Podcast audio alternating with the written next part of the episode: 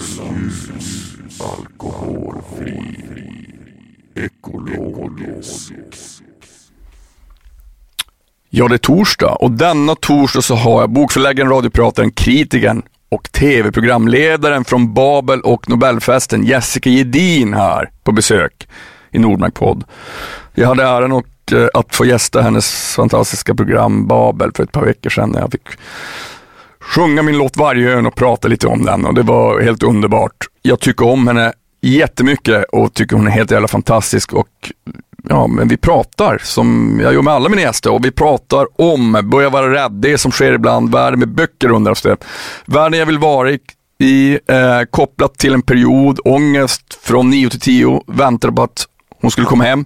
När grejer blir normala, tvångstankar, det är att fly in i, födas med hela paletten, sin utgångspunkt, tidsmaskin, som en chock hotade sömnen, skräcken som comfort food, Freddy Wading, en filifjonka, eh, läsa på ett annat sätt, Babel såklart. Eh, när man hade gjort någonting på riktigt, jag gillar småoffren, vardagsoron, vara lite bättre, göra lite bättre.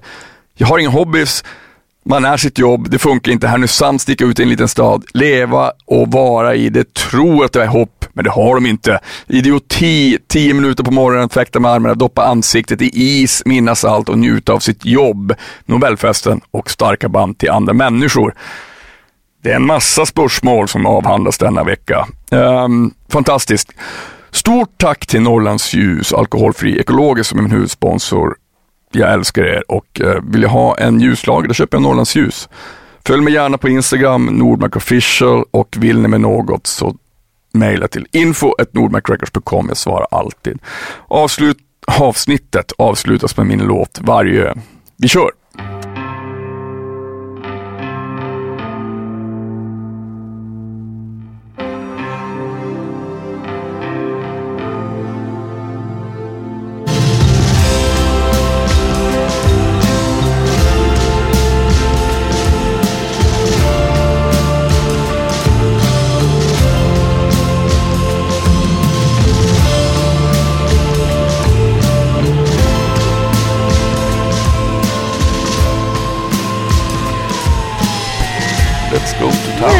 Vi kör väl, det Ja. blir väl inget att be för. Nej, det är väl, det är väl bara att köra. Ja.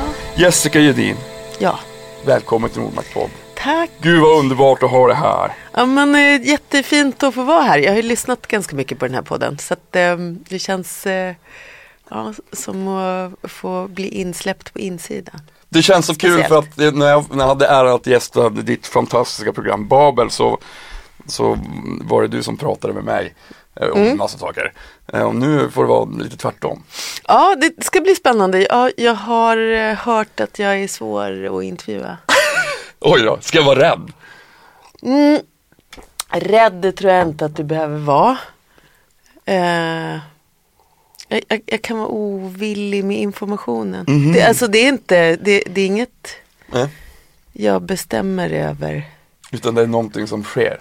Ja, ibland. Men du, jag Alltid. tänkte, jag tänkte börja med att fråga, det här med böcker. Mm. Vad är det med böcker Ja, som är så jävla mäktigt? men eh, det är ju jättesvårt att säga. Alla som läser eller har läst, kanske framförallt som barn, vet ju. Det är inte konstigare än annan fiktion. Man väljer sin eh, man väljer sitt sätt att stiga in i det andra, vad det nu är som man längtar efter. Och så hittar man det. Det är inte egentligen konstigare än att titta på film eller, Eller- lyssna på musik för Eller den spela delen. trummor som jag gjorde när jag Nej var liten. precis, eller göra, de, de flesta av oss växelverkar ju lite mellan det där. Men vad, vad, alltså, hur gammal var du när du märkte så här, oj, den här världen är någonting som jag vill vara i och som jag kan råda över. Men jag har nog alltid läst eller blivit läst för. Mm. Eh, så jag, jag har inte något särskilt, jag har inte någon särskild tidpunkt. Sen finns det ju så väldigt hur böcker som jag kopplar väldigt tydligt till en period eller uh, sådär. Jag läste, jag, jag hade en period när jag var kanske 9-10 då jag eh, hade väldigt mycket ångest. Det, det fattar jag inte då förstås. Alltså, Nej. det har jag ju fattat efteråt. Men, eh, och då var det och mycket, mm, Ja men jag, jag var ganska övertygad om att liksom, min mamma skulle dö. Min pappa dog ju när jag var liten så det Mm. var ju inte heller så konstigt psykologiskt att det kommer en reaktion. Nej. Liksom, Hur gammal som var du ut då? så. Jag var sex när han dog. Ja. Eh, och sen kanske jag var nio, tio eller något sånt och då var jag eh, väldigt, jag bevakade henne liksom. Jag hade, hon jobbade som lärare, så jag hade hennes schema på anslagstavlan och så gick liksom all tid åt till att Mm. vänta på att hon skulle komma hem. Mm. Eh, jag hade inte tid, jag kunde inte leka med mina kompisar och så. Och så kunde jag inte berätta det här heller för någon förstås eftersom det var weird. ja, jag vet. och sen också som när man är barn att grejer blir normala. Ja. Alltså man känner en sak Ja. eller skaffar sig något tvångstanke eller något och sen är det bara så. Liksom. Jag, jag, jag kan relatera jättemycket till det här. Alltså jag hade, eh, utåt sett var jag ett jätteglatt barn Mm. och inåt var jag liksom ofta otroligt ledset barn. Mm. Eh, Det var samma sak för mig, jag hade liksom en Jag hade inget sånt trauma att jag hade förlorat någon förälder men jag jag hade en extrem oro. Mm. Och eh, jag var helt övertygad om att det skulle hända min syrra eller min familj någonting. Ehm, och ehm, ja, men, liksom, var, var, var otroligt olycklig ibland. Och då kunde jag liksom, det var inte heller något som man, man pra, någon gång så kommer jag ihåg att mamma eller pappa sa så, men vad är det? Sådär. Ja men det är ingenting. Fast ändå mådde man jättedåligt. Mm. Och för mig var det liksom att, ja men plus att jag tyckte sk- skolan var skittråkig. Ehm, så för mig blev det liksom musiken, att, att vara i garaget och banka på trummorna, blev, där kunde jag ha min, mitt universum Just det. och fly in i sådär. Ja, nej men och så är det nog eh, med många barn. Och det, jag tror att det där, det är också enkelt. Jag menar det behöver ju inte hända något särskilt. Jag tror att man föds liksom med hela paletten känslor. Eh, f- och vuxna fattar inte alltid det. Att man har allt. Eh, d- där finns eh, kärleken, oron, skräcken, sorgen. Och sen har man liksom sin utgångspunkt där de här känslorna fäster på. Det kan vara en mardröm man har haft. eller- Men det är lika verkligt. Ja. För det, det är lika starka känslor för det. Men då hade jag, jag ägnade jättemycket tid åt det här i alla fall. Eh, så jag har precis hämtat hem den blå pallen som stod i köket i Härnösand som jag brukar sitta på och spana efter hennes bil. Ja, och sen när hon inte kom var hon liksom en minut försenad från det jag hade förväntat mig. Då fick jag, jag blev otroligt orolig och panikslagen och så. Men då när hon var hemma, för hon jobbade som översättare också. Så då kom hon hem från jobbet och så satt hon i sitt arbetsrum och skrev på sin astmatiska skrivmaskin. Elektrisk, men i liksom den elektriska skrivmaskinens barndom så den väste och lät och så. Och så spelade hon klassisk musik på en lika väsande eh, kassettbandspelare. Och då satt jag i hennes rum och så läste jag Eh, eh, jag läste, eh, oj, gud, varför försvann det nu? C.S. Lewis, eh, hela den här Min morbror trollkaren och så. Och så läste jag Ursula K. Le Guin. Så jag läste fantasy. Och det var liksom tryggt. Det var otroligt tryggt. Så då, det är så starkt förknippat med med det. Och då kunde jag också, jag behövde liksom inte sitta och stirra på henne, jag kunde vara i min värld. Men jag kunde också koppla av så att jag hade, jag fick liksom lov då för oron och vara någon annanstans.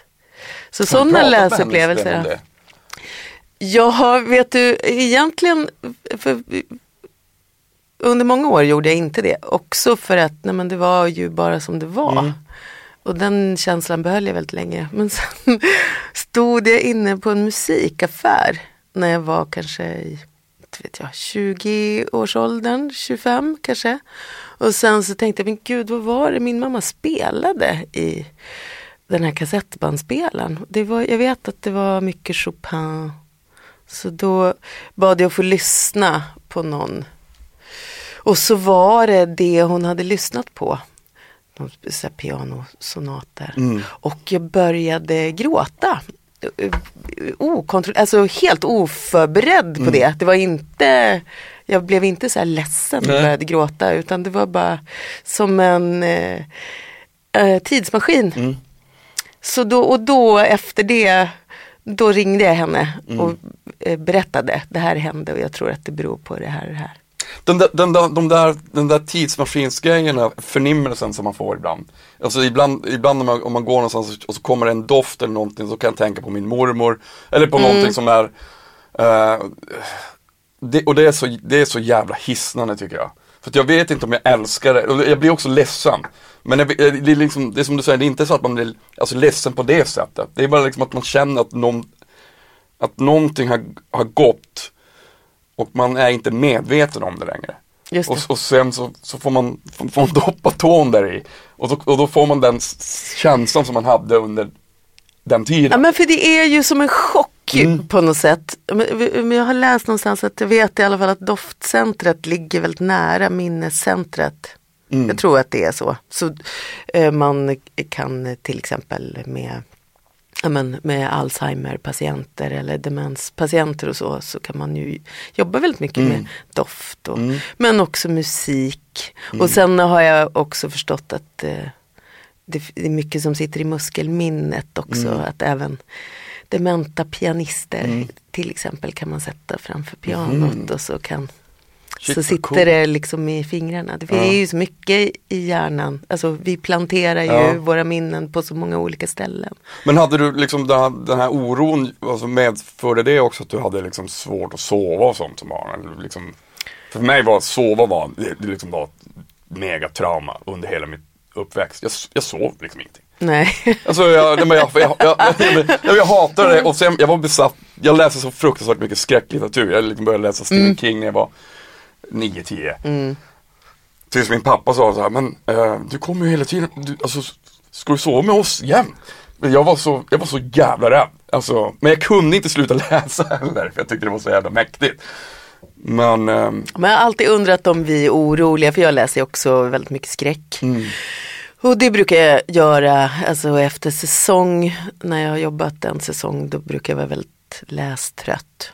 Och då läser jag ingenting på några veckor, då vill jag bara titta på tv. Mm. Och, sen så, och sen brukar jag börja med skräck. ja.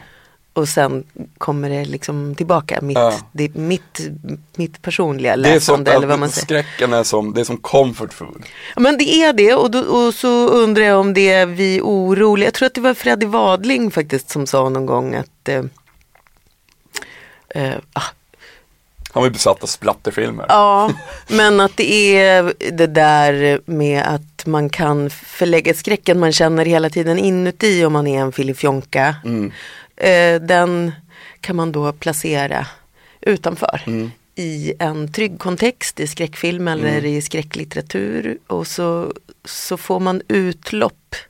Fast på Mm. ett tryggt, en trygg plats på något sätt. Så man får känna all den där skräcken och oron som man känner hela tiden. Men för något hanterbart. Ja, och projicera på något annat. Mm. Men vad heter det när du, när du sa som när du jobbat med säsong på Babel, så hur, eh, jag förstår att du måste läsa otroligt mycket böcker. Mm. Hur mycket, liksom, hur, vilka kvantiteter pratar vi om? Ja, men det beror ju på, för ibland när jag säger hur mycket jag läser då brukar folk bara, men gud, jag läser ju betydligt mer än så. ja, men, för det är väl kanske men, tre romaner i veckan Ja. och, och så jag försöker läsa lite bakåt om jag kan också.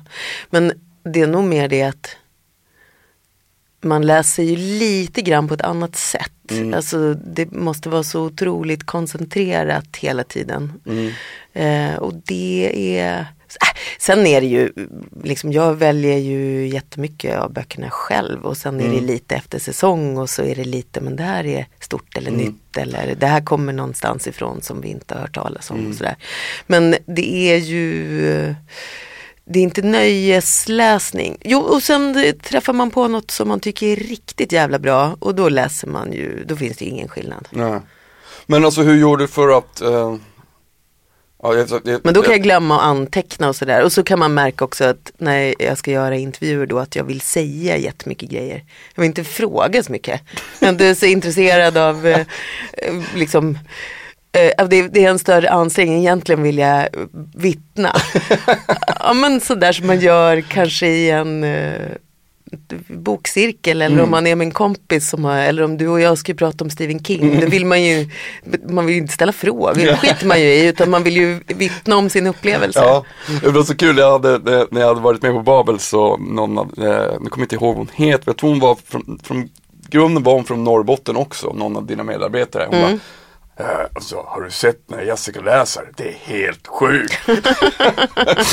men, ehm, ja, men vad intressant, jag har alltid tänkt, för om jag, om jag spelat in en skiva eller liksom om jag har varit i, i, i någonting koncentrerat maniskt, då blir jag också väldigt eh, otroligt mättad på musik. Eh, det- till den grad att jag, jag känner så här, fy fan, vad, alltså när jag ser på en gitarr eller, men kan du också känna så att när du lyssnar på musik att du hör liksom produktionen?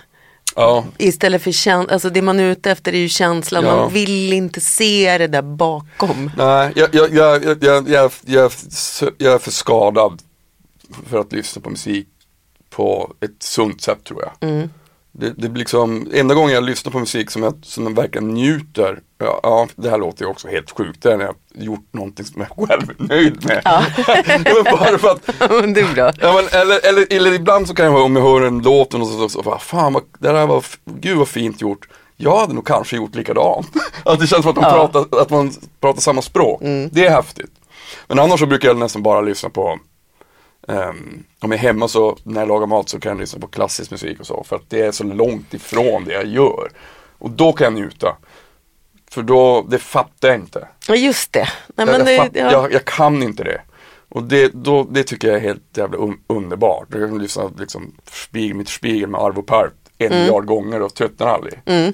Eh, och den är ju liksom ändå en enkel, eh, liksom ett enkelt stycke. Men det svåraste Mm. ändå att göra för att det är så otroligt genialt och enkelt.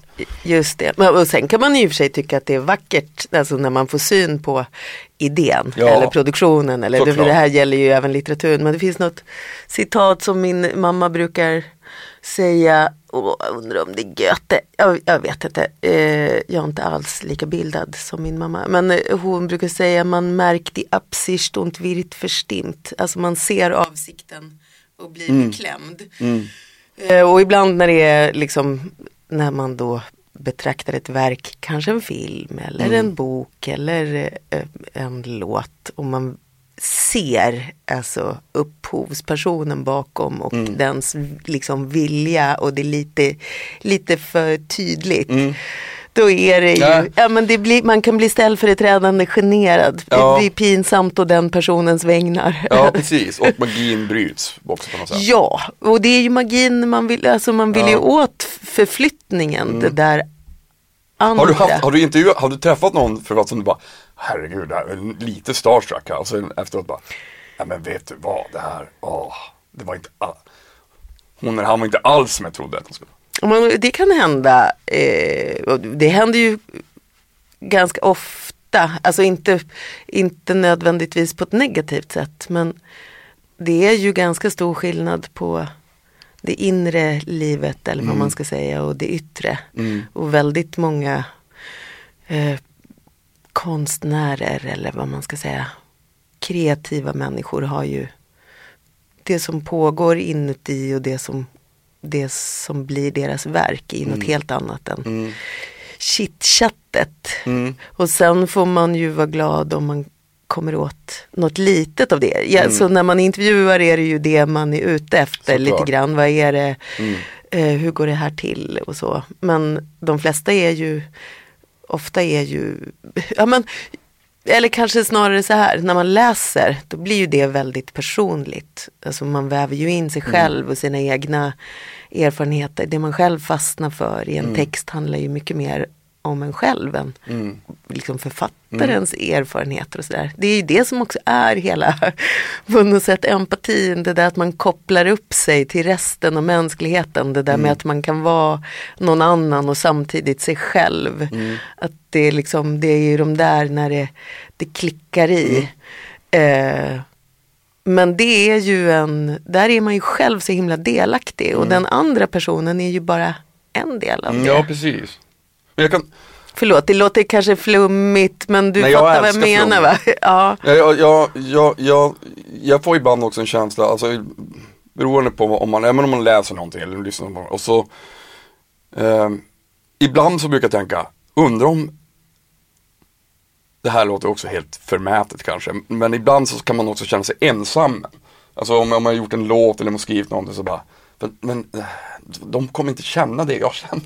Ja. Eller, vet, eller som om man lyssnar på någonting bara, men okej, undrar om Jessica känner, alltså känner hon det som jag känner nu? Mm. Alltså är, är känslan liksom delad eller är det liksom, är det bara jag som känner så? Nej, men Alltså, det känns som någon slags esoterisk, bara en, en, en klubb som bara består av en själv. Men jag, om vi då- då går vidare i flummet, jag, jag tror ganska mycket på just det där. Vi, vi pratade om en låt innan vi började spela in nu som du pratade om att det finns en, ett, en, eh, en mening i den, en hemlighet begravd. Den är inte tydlig Nej. för eh, någon som inte känner till den men den finns där. Jag tror att det känns och jag tror att det känns i, liksom, man känner det i ett verk när eh, konstnären har lagt ner något av sig själv i det. Och sen eh, kan man hålla på och leta efter det. Eh, det gör man ju väldigt ofta när man ska intervjua. Då kan man försöka leta upp den där lilla, var ligger den här skatten eller hunden begravd. Eh, men ofta känner man det mer än man ser det. Eh, och det, det, det är då, det är ju som en liten gåva. Jag tänkte faktiskt på det ganska mycket när jag skrev krönikor, vilket jag gjorde under många, många, många, många år. Jag tror att det är därför jag inte orkar skriva mer. Fy fan, vad less man blev. Varför blev du less, eller okej, men, men fortsätt. Ehm, Nej men jo, för det är, sån, det är en sån produktionstakt ju och så ska man, det ska vara på ett visst sätt och sådär. Men då, det, det märktes när jag tyckte om att lägga någonting av mig själv i det. Att det liksom kostade något. Och det, behöver inte, och det var verkligen inte, jag, inte så här, nu ska jag skriva en krönika om en abort jag har gjort. Utan tvärtom, det där när det här har berört mig. Hur, hur kan jag lägga det i den här texten utan att det syns? Utan att det är liksom texten. För det är ganska lätt som krönikör, man vet också vad, vad det är som man kommer vinna poäng på antingen för att det är kontroversiellt eller för att det är liksom emotionellt. Det tycker jag är fusk. Men just, eh, och jag tycker att det märktes, det märktes på reaktionerna när det var, när man hade gjort något på riktigt. Även om det bara var något litet. Men det där, ju, det där tycker jag är så intressant, det pratar jag ganska mycket om, just det där att man måste offra någonting. Det, det låter som att det låter som, det, folk uppfattar det som någonting negativt ibland. Jag uppfattar det tvärtom som någonting nödvändigt och positivt. Alltså för- förkovringar, det, det är nog det är bland de vackraste orden jag vet. För det är så, det betyder också, vi har ju bara en viss tid på, på den här platsen. Det är att man måste, man måste liksom offra någonting av sin tid för att göra någonting. Och det kan ju vara vad som helst, om det handlar om att läsa, eller lära sig spela ett instrument eller måla, whatever. Och det tycker jag är så fruktansvärt vackert. Och då måste man liksom, man måste ju lämna någonting. För att man, man har bara den tiden. Eh, Ja men för det handlar om självrespekt också tycker jag. För det är klart att man kan, jag menar, både du och jag skulle säkert kunna producera det vi är bra på inom våra respektive områden. För att man kan det, för att man har erfarenhet. Man ska kunna liksom skita ur sig en massa, vad det nu är, musik eller text. Men det vill man ju inte, det är inte så man vill göra det. Man Nej. vill ju att det ska vara värt något. Och sen är det klart att den, den klassiska synen på kreatören är ju att offret är stort. Men jag, jag gillar liksom småoffren. jag gillar det där lilla, man lägger ner något litet frö eller något som eh, är väldigt, ja men de små, för det är så mycket, vi har ju så mycket vardagskänslor eller oro för den delen då som uppenbarligen eh, både du och jag ägnar väldigt mycket tid åt. Eh, och även de grejerna är värda något. Även de sakerna är ju liksom relaterbara. Mm. Och då tror jag också väldigt mycket på skriva folk saker på näsan. Det går, eh, det går inte in. Nej. För det är ju som att liksom eh, det är som att berätta för någon, så här ligger det till. Ja men det vet vi väl allihop. Jo, jo. Ska det gå in eller ska man själv vara öppen för det? Då måste det liksom smygas in med något annat. Med lite socker eller med lite salt eller vad det kan vara. Så att det får blomma ut när det väl är inne. Så att det blir liksom en del av en, gud det brukar verkligen inte vara så här flummig. Men det är ju någonting i det där när man vill åt just eh, vad är det som betyder något för en? Både det man tar emot och det man vill ge ifrån sig. Jag jag tycker att det kan vara så, i vänskaper är det ju också ofta så. Man har på känn, man träffar någon, så har man så här på känn. Men det här, Mm, ja, det här lirar. Ja det skulle också kunna vara, det här skulle kunna vara en klockan tre på natten person. Om jag vaknar och har ångest så ska jag, jag skulle kunna ringa den här personen. Även om vi kanske bara setts tre gånger. Man kan liksom känna på sig det. Men sen vet man ofta det, det här ögonblicket när man, när man gör den där lilla saken, vad det nu kan vara, som bekräftar den känslan. Och det behöver ju verkligen inte vara samtalet klockan tre på natten eller det stora förtroendet. Eller Ja. det, det är ofta något litet vardagligt som visar den stora känslan som den stora potentialen. Ja, verkligen. liksom. Verkligen. Men jag, jag, jag tycker alltså, om, man, om, man, om man tänker också på, liksom, på om, om vi tänker på ditt tycke, du gör ju flera grejer, det, liksom det, men att man ehm, för när jag, när, jag, när jag har jobbat klart med någonting, liksom, jag älskar att vara i den här manin. Jag tycker att det är, jag mår som bäst då. När jag har lite för mycket att göra fast det är liksom ändå under kontroll och jag vet det här ska göras så att det måste bli klart. Jag måste ha den självdisciplinen. Um, och sen när jag är i det så tycker jag det är fantastiskt och jag är ganska fruktansvärt jobbig hemma. Jag är superegocentrisk och jag bryr mig bara om mig själv. Jag, jag är fruktansvärd. Men sen eh, efteråt, då, liksom, då, då, då, då har jag som lämnat den personen. Då, det, det, just med de här liksom små vard, alltså de här små offergrejerna. Jag skulle aldrig kunna vara där hela tiden. Nej. Men, men får du postproduktionsdepression också? Nej, alltså inte, ja jag kan känna mig lite tom så här. Eller framförallt så kan jag känna så här, jaha, nu ska jag släppa det här. Och alltså, alltså, att, liksom, att själva, själva lusten är för mig när, faktiskt när jag, när jag skriver det. Eller när jag spelar live, då, då är det liksom, men däremellan, ah, det vet jag inte. Mm. Men har du någon lyssnare, har du någon så här första lyssnare som du spelar upp saker för och, Ja, och Jenny, liksom stirrar tjej. nervöst på i hela tiden medan hon lyssnar då? Ja, Jenny har fått lida av det. Eh, och, eh, men men nu, nu har jag besparat henne. Ibland, och mig själv ibland, för ibland jag bara, alltså, det, här, det här kan vara det bästa jag någonsin har gjort. Och så, men men hon, hon är så transparent och ärlig så hon säger bara, ja, ja, jag tycker inte det. Eh, jag tror du, alltså du, du kan bättre. och då, då blir jag, för jag är så dålig på att ta kritik. Så då, då blir jag liksom jättesårad i en minut. Och så sen så kanske jag tänker, ja men hon kanske har rätt, det var hon kanske inte så bra. Eller så tycker jag att det är svinbra. Alltså det, men, ehm, men hon är den som får höra det först, det, så är det. Men jag, jag, jag, jag, försöker, jag försöker inte älta. Nej. Vad, vad jobbar hon med? Hon, är, hon jobbar på Swedish Fashion Council, hon är v, VD. Mm. Har, har ni samma, har hon liksom samma, testar hon saker på dig Ja också? men, ja, nej, men hon, men vi, men vi bär upp varandra bra tror jag. Mm. Framförallt när det kommer till eh, det här. Jag har liksom turnerat sedan jag var 19 18. Mm. Eh, inte alls lika mycket längre men jag gör det åtminstone säkert tre månader per år. Och hon reser så mycket inom sitt jobb. Så det är väldigt skönt. När, när jag är på turné, då, alltså vi textar men vi ringer aldrig. Nej. Alltså, jag, jag, nu är jag borta i två veckor, hej då, jag älskar dig och så, sen så textar vi liksom varje dag men vi, vi ringer aldrig. Nej. För att jag vet att hon vet exakt hur mina dagar ser ut. Eh, och jag vet exakt hur hennes dagar ser ut. Det är liksom fullt med jobb. Och om jag har en dålig dag så ska jag ringa henne och så vet jag att hon har svinmycket att göra. Då, då sabbar jag känner jag. Ja, det är kanske inte tillräckligt heller. Alltså då... Nej men det är också så här, nej jag vet inte. Vi, vi vet när vi är borta och Mm. sen så, och det, det, det är jävligt skönt. Mm. Det kan vara väldigt skönt ju att få jobba, att få vara i sin bubbla Ja. också.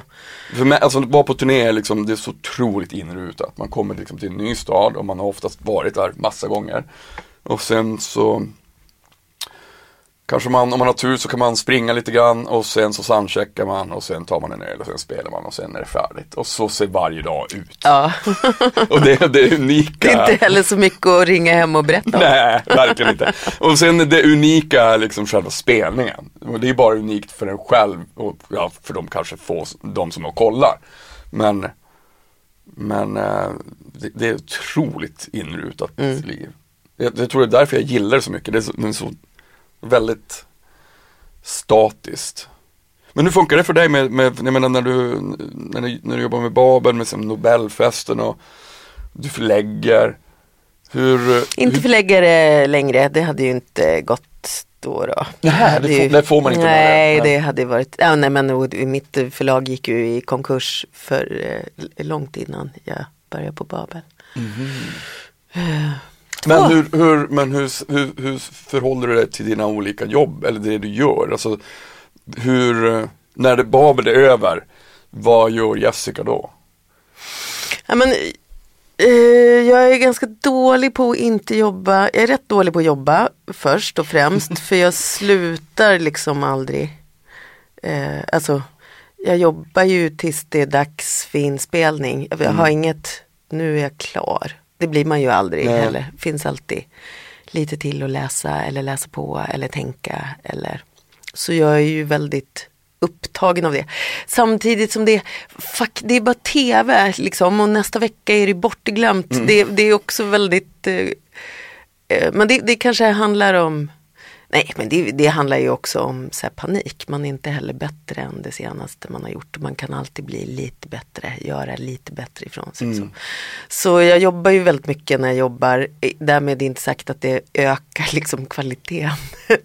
Men sen är jag ju, när jag inte jobbar då har jag inget, jag har inga hobbys. Alltså jag har inget, Nej. så vad gör jag då? då Och då blir det lätt liksom tomt och otäckt.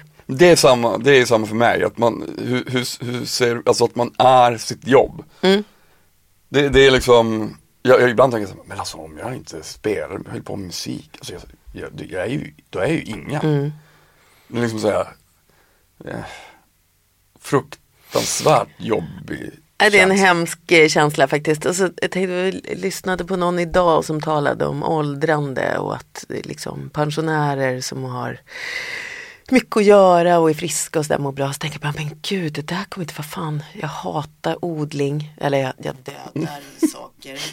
Eh, bara med mina bara händer uppenbarligen. Eller jag behöver bara dyka upp framför en växt så vissnar den. Jag har inte, alltså jag höll på jättemycket när jag var liten och uppfann saker och byggde saker. Så där. Det har jag helt slutat med. Jag gjorde kläder alltså, ett tag när jag var 19, 20 kanske. Och då, och liksom i metall och trä och så här, det här var ju början av 90-talet, en underbar tid. Eh, jag höll på liksom att konstruera jättemycket grejer. Allt det där har jag slutat med. Så nu sitter jag bara och tittar på reality-tv i liksom, och stirrar tomt framför mig och låter så här oron och ångesten flöda fritt. Det är väldigt obehagligt.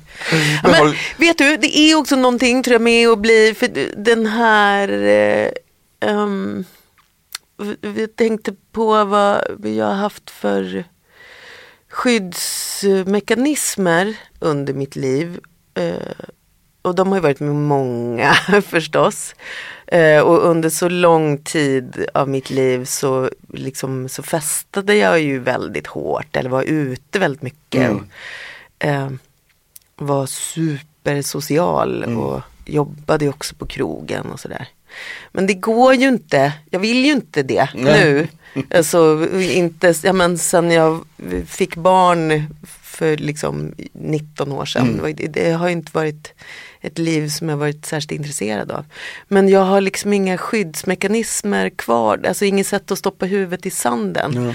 Och då blir allting så himla tydligt, man måste uppleva allt hela tiden. Mm. Jag, jag tycker det är jättejobbigt. Men har du, har du tänkt så okej, men Och jag har alltid varit jättedålig också på att dricka och så här. Jag har ju otroligt mycket kontrollbehov. Så att jag blir ju aldrig liksom full. Ja, men jag, jag har alldeles för mycket kontrollbehov för tänkt så att, liksom en, att vara en beroende personlighet. Det, är Mm. inget, det, det, det funkar inte, det är orättvist.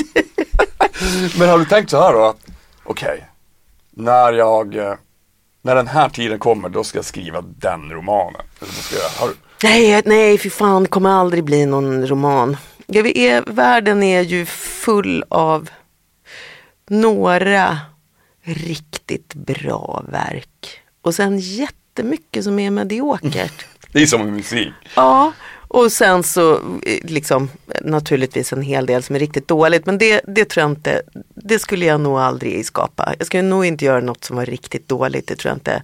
Men jag skulle nog med, med stor ansträngning kunna skapa något riktigt mediokert. Och det tycker jag känns fasansfullt. Jag, som, jag, som, jag, som, jag, tror att det skulle bli, jag tror att det skulle bli ett jättebra verk. Men, men, men, eh, Får jag någon gång känslan att jag är ett geni, då kanske det kan och så får jag läsa den först. Ja, och då får du Men vad heter den. det, jag tänkte också på, när, för du, du är uppväxt i Härnösand va? Mm. Ehm, kommer du ihåg när, em, när du var liten och som du var eh, och, och bara, herregud jag måste, nu, nu är det dags att dra från den här hålan. Mm. Men det tror jag att jag kände ganska tidigt. tidigt. Jag, det, alltså, jag hade det också jättefint i Härnösand. Jag hade ju en, jag, jag kommer ifrån en otroligt eh, stor och kärleksfull familj och Mm. sådär. Och jag hade en bästa vän som eh, under många, många, många år som vi följdes åt i vått och torrt och eh, liksom, det var både jätteuppslitande och svartsjuka och stor kärlek och sådär förstås. Och sen hade jag ett jätte, jättefint gäng som jag umgicks med innan jag flyttade därifrån. Men jag har alltid eh, Jag har alltid varit fel där. Mm. Och det, jag tror hela min familj var fel där. Det, och det fick man veta också. Sen är Vad inte... var det tänkt grannen bara, alltså med Hedins, herregud. Jo men lite, ja faktiskt så var det ju. Men det var också snällt liksom. Det, det, det behövde inte vara bara hotfullt men det var tydligt. Men för det, var så, det är så otroligt lätt att sticka ut i Mm. en liten stad. Jag blev ju liksom kallad tjejen med ögonbryna. För det var typ inte fanns någon annan med mörka ögonbryn. Ja men det är lätt liksom att Ja. Eh, och sen tror jag att det är väldigt många som känner så. Mm. Alltså, det är ju den där, den där känslan man har av utanförskap och så. Den, den delar man ju Mm. Ja. med många, många fler än man tror. Men i en liten stad är det liksom ah, den är så snäv den där kretsen som är rätt. Jo. Och den är inte heller så kul. Nej, jag tänker, jag, jag, jag, ju, jag älskar ju lantisar som har sökt sig bort. Mm. Eh, alltså inte för att jag, Ja, för att jag hel, älsk- älskar mig hela själv. Stockholm menar du? Nej men jag känner några få stock, urstockholmare. Ja men de är få. De är få. Mm. Men det, det, det vi kommer liksom just den här, den här längtan efter att ta sig bort. Eh, för, för, för min familj så var det liksom en, en sorg när jag flyttade, när jag flyttade Ja. från Piteå. Det så är det liksom, det är långt. Härnösand och Stockholm är också långt. En Eh, bit är ännu längre. Ja det är det. Eh, Men jag pratade med mamma om det, hon bara- alltså det var, alltså det var en sån sorg Mm. eh, när jag lämnade av mig. De, de körde ner mitt flyttlass till, jag bodde tre år i Märsta. Mm. Jag tyckte Märsta vid Stockholm liksom. Jag fick tag på en lägenhet där. Och hon berättade när hon åkte därifrån så grät hon hela vägen från Märsta till Sundsvall. Men det är så också så fint att hon inte gråtit på vägen ner när du var med utan att hon har hållit Ja, sig precis. tills hon har lämnat av dig. Ja, stackars mamma. Ja. Men, ehm, men har du, no, har du någon, ehm, har du någon ehm, Ja men vi kommer ju inte från Härnösand, alltså jag är ju den enda i familjen som är född i Härnösand. Mina, Men ingen är kvar där nu eller? nej, inte, mamma flyttade ju därifrån för en månad sedan. Jaha. Så att det, ändå fram till dess har det Du, du bara, funnits. och nu kommer vi aldrig tillbaka. Ja men jo då, pappa ligger ju begravd där så Mm. det, det, vi kommer åka tillbaka och min, min syrra och brorsa har köpt hus i Hol där Mm. utanför och så. så det kommer vi att göra. Men eh, jag, jag, min, min- familj hade ju inte rötter där och mina stora syskon är ju födda i Uppsala Mm. allihop och mamma och pappa från Stockholm. Och Mormor och morfar och farmor och farfar i Stockholm. Alltså, de var ju pionjärer då. Mm. Åkte upp och tyckte det var vackert. Och liksom, det var 70-tal och Mm. sådär.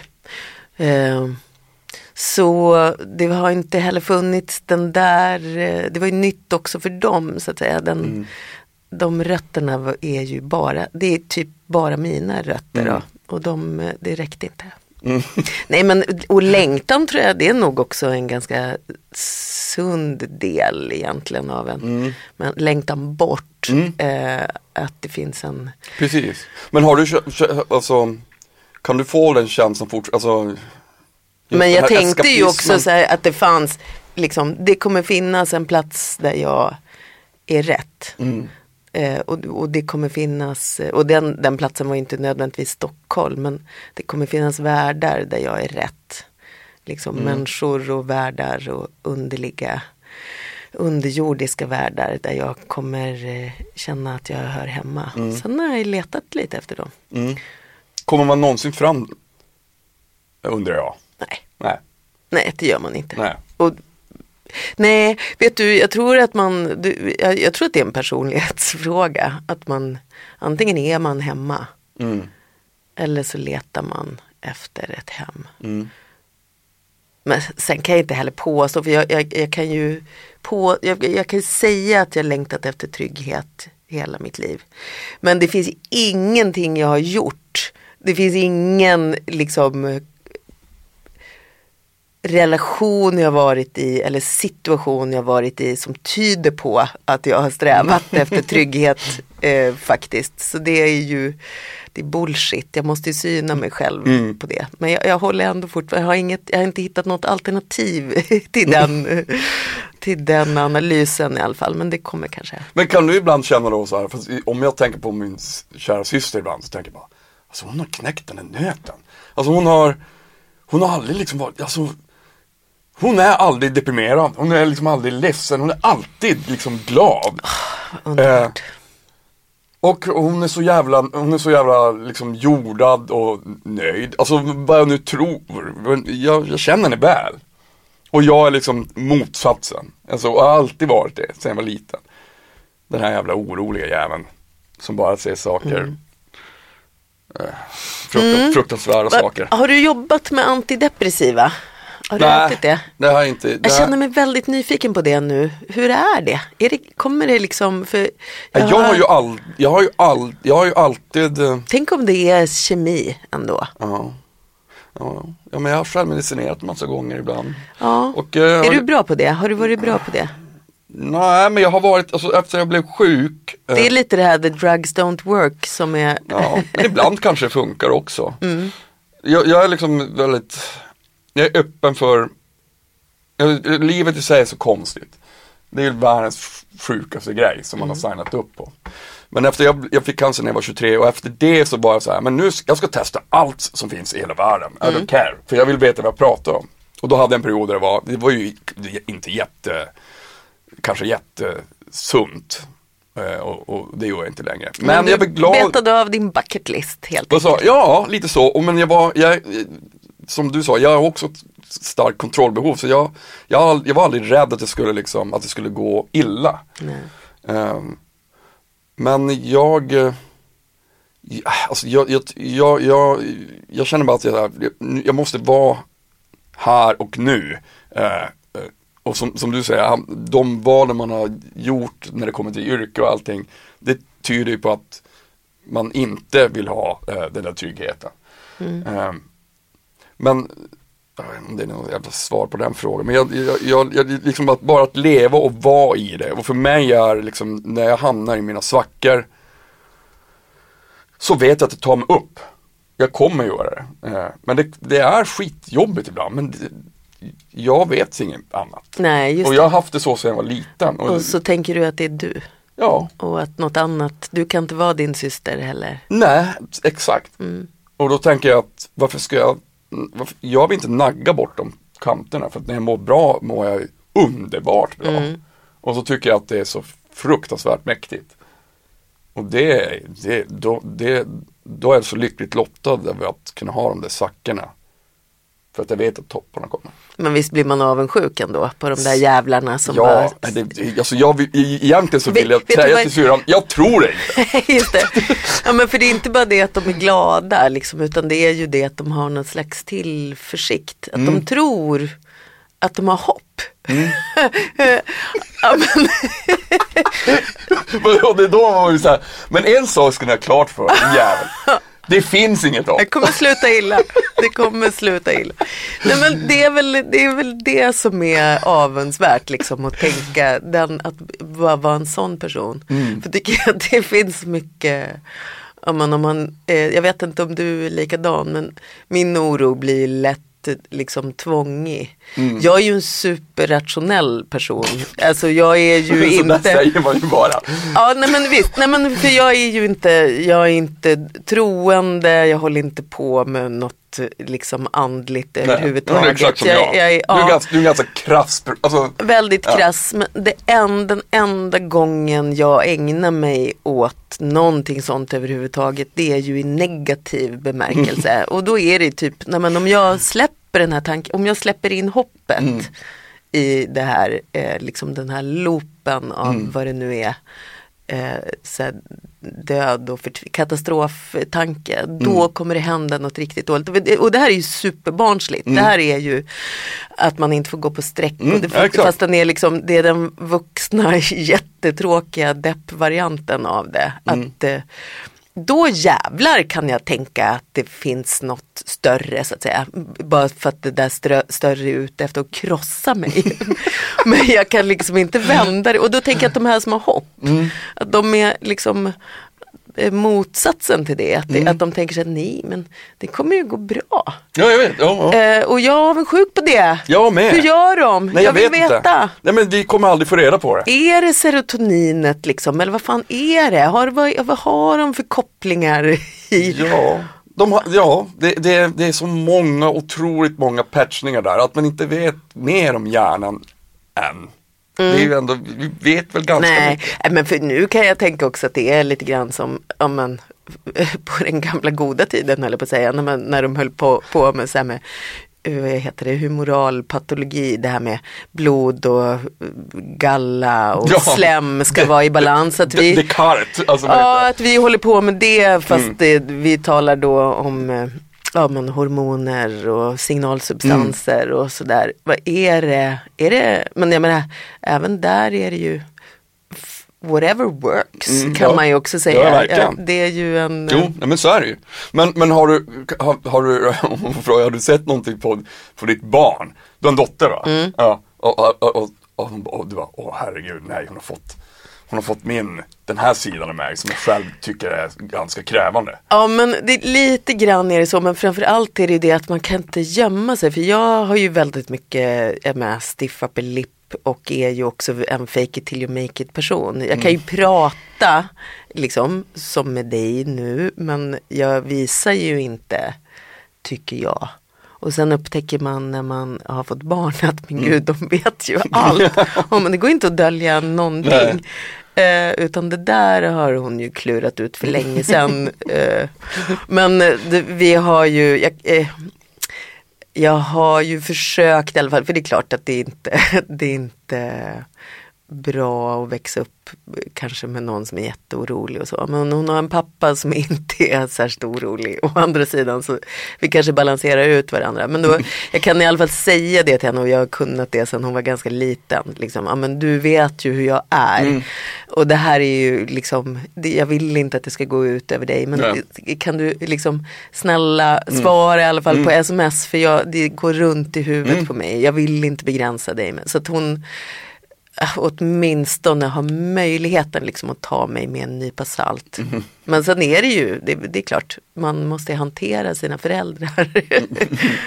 Eh, herregud. ja, nej, men det är pinsamt vad genomskinlig man är faktiskt. Sen är det ju, har man gjort ett någorlunda okej jobb med sina barn så skiter de ju i det. Ja. Eh, Efter ett tag. Ja, att ja, de herregud. liksom, nej, men nu är det mitt liv som, Mm. att de inte behöver beskydda sina föräldrar. Så det, det är ju, det kan också i och för sig göra mig lite irriterad ibland för jag tycker att hon kunde nog gott ägna sig mycket mer åt att vara orolig för mig. Men jag, fatt, jag fattar också att det är någonting som eh, borde glädja mig att, eh, att hon faktiskt kan skita i det. Men hur, hur Oj, det är min telefon Oj, som jag har satt på tyst men inte på, Men- på flygplansläge. Men har du någon, har du någon så här den här, den här äh, som vi snackade om, den här känslan som är ganska barnslig med den här oro, oroskänslan. För jag, jag känner igen mig jättemycket i det. Att, äh, att den Apropå går inte att- oroskänslan kommer jag nu också kolla min Ja, telefon. det. För det kan inträffa katastrofer när som helst. Alltså när som helst kan det inträffa katastrofer och man vet absolut inte vad det är. Men kanske inte just nu då. Men äh, Jo, nej men alltså att, för att jag är likadan, om man, om man väl börjar bli orolig Då, då tänker man, åh herregud, alltså, det är så, nu är jag bara löjlig. Det här, jag måste liksom skaka av med det, men det går inte Nej, ja, men det är ju lite som att vara sinnessjuk. Mm. Just för att det är det ena, liksom, det finns ett rationellt spår som är så här, men äh, idiot. Och det här är ett Mm. mönster och så här gör du ju varje gång. Och, och sen så finns det ett annat spår som är liksom helt skogstokigt Mm. och så här springer runt och viftar med händerna och skriker kometen kommer. Liksom. Och den den tar över. Det är Mm. jätte, jätteirriterande.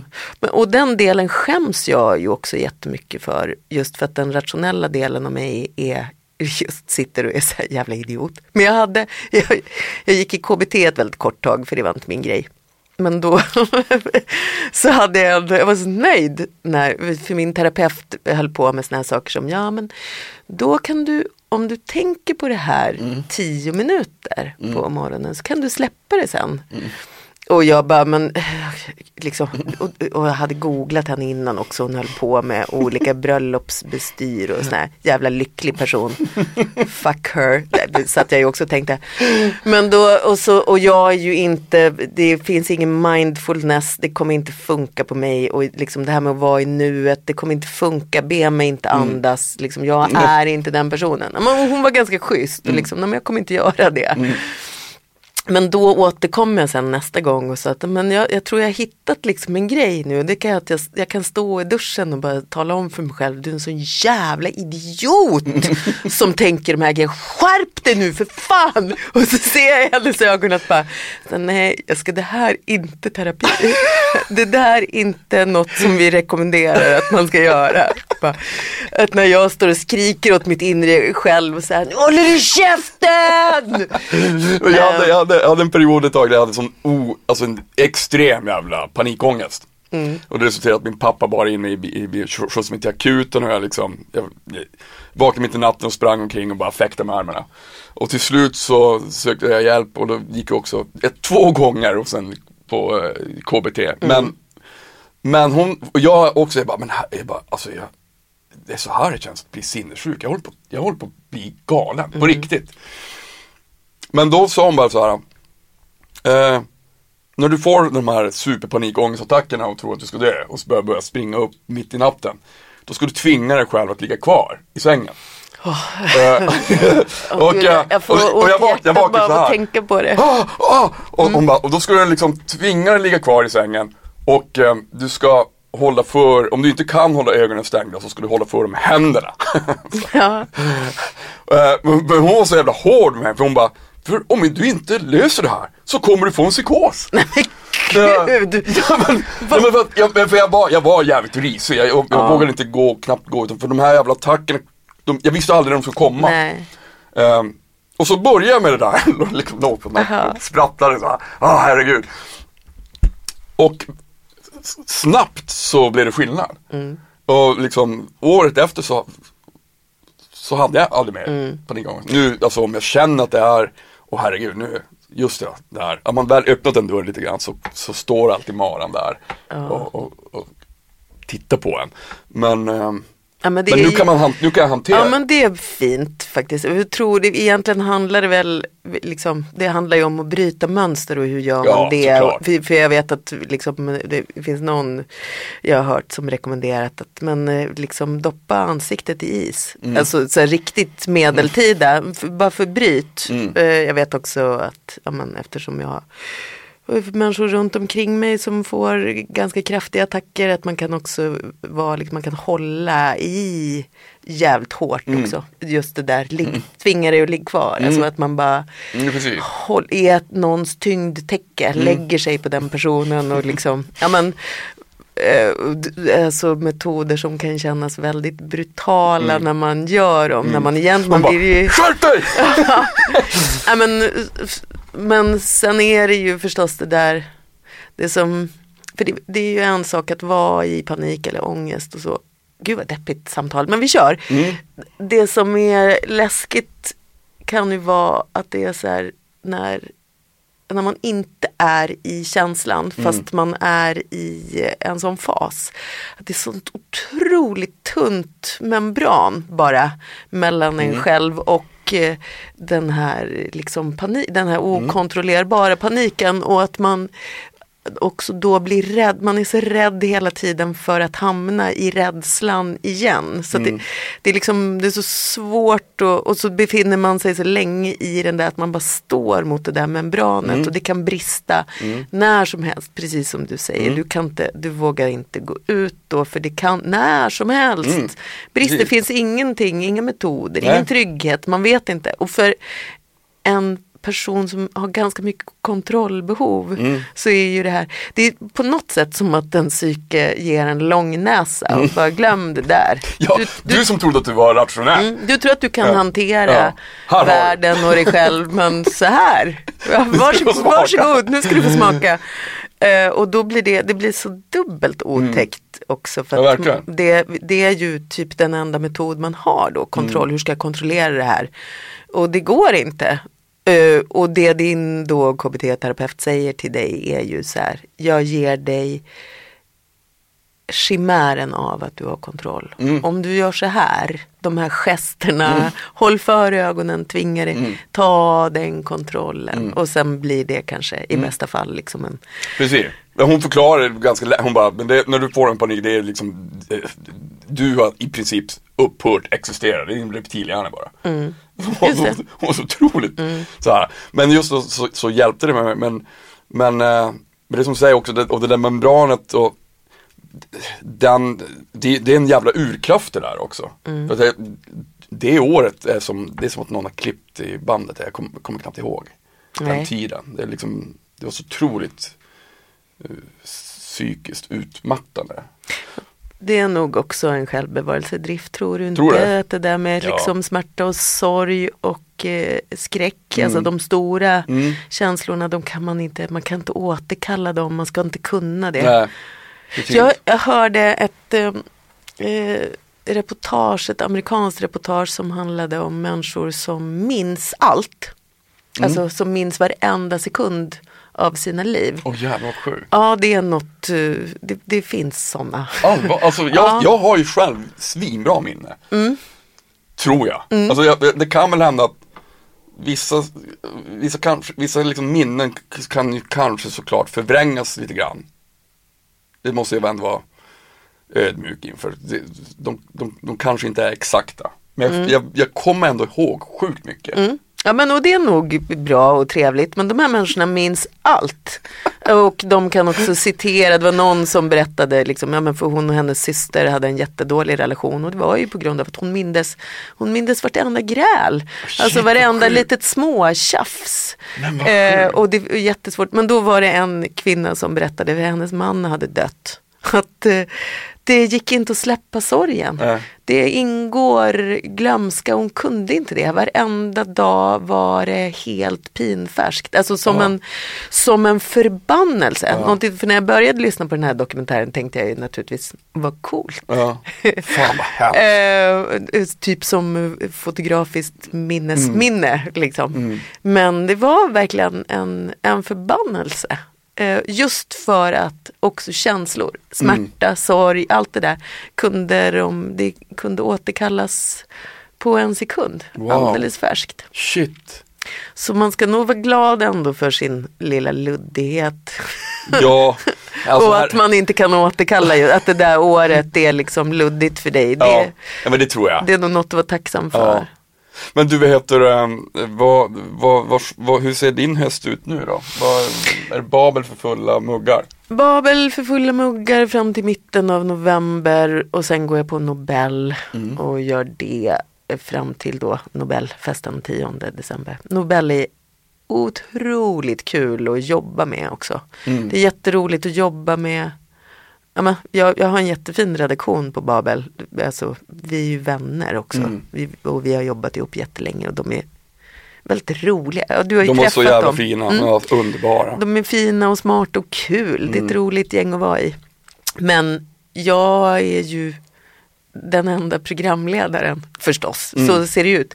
Men på Nobel är vi fyra. Mm. Vi är fyra som eh, har samma jobb. Mm. Men inte konkurrerar med varandra överhuvudtaget. Ja. Vi har ju helt olika nischer. Mm. Och det är så otroligt kul. Mm. Eh, plus att den produktionen är det är liksom de bästa som jobbar med den, de bästa fotograferna, bildproducenterna, producent. Alltså, det är så himla kul att se alla andra göra sitt jobb. Mm. Redaktör, alltså, det är ett sånt välsmort Mm. maskineri. Eh, man lär sig så himla Det är roligt Mm. och då är det jättekul också att göra. Det finns en stor respekt Mm. också för allas yrkeskunnande. Så man är också i fred i sin egen del. Mm. Det är så här, men du gör det där för det är du bra på. Mm. Och vi gör det här. Och det är jätte, jag lär mig så otroligt mycket. Också just sånt där om ja, men de delar som man kanske annars inte är så involverad i. Ja, men ljus, alltså allt sånt Mm. blir ju, är man en del av. Och sen bara det faktum att alla i produktionen, alla som är i Stadshuset under Nobelfesten måste ha frack och långklänning. Och det gäller liksom ljudet, ljuset, kam, alltså alla. Mm. Så det är väldigt speciella omständigheter. Det är kul att se Ja, sina verkligen. kollegor Ja, men det- också det så stå med mäktigt. gaffatejp och liksom långklänning. Det är kul. Det är Men eh, nej, det är underbart. Men jag tänker också, det, visst, eh, jag ser det nu när du pratar om det, att du, att du, att du verkligen älskar det. Mm. Och det är ju, eh, ja, vi kan ju vara, vi, vi må vara oroliga, men fan vad, vad roligt vi har på jobben Ja men också. det har vi. Ja och vi, vi, har väl roligt med varandra också, eller hur? Man Mm. träffar andra människor. Verkligen. Som man, det finns eh, kanske mycket potential till. eh, Med stor oro tänker jag att det också kommer stor inlevelseförmåga. Mm. Och att den ändå, om man nu ska hitta något bra med det så är det också, då har man också möjlighet att skaffa starka band till andra personer, både påhittade och riktiga och liksom både nära och eh, avlägsna idoler, Mm. döda och levande. Det tror jag i alla fall. Det tror jag med. Mm. Jessica, stort tack för att du ville vara min gäst. Men tack själv, det, Det var så helt jävla kul. underbart. Jätteroligt. Stort tack till dig Jessica Edin och eh, det var det. Nu kommer varje. Ta hand om er.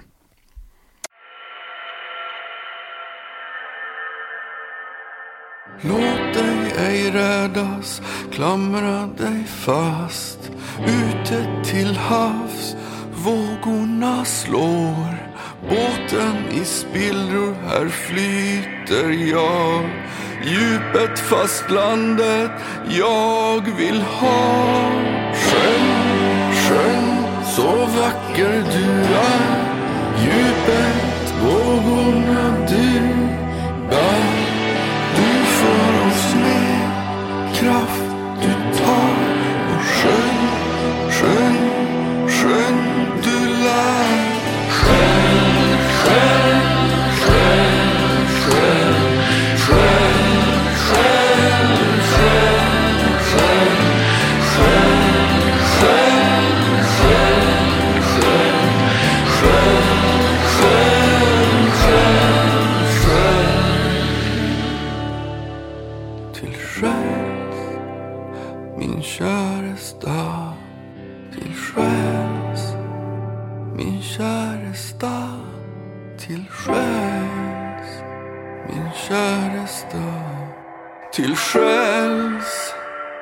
Käresta. Sjön, sjön, så vacker du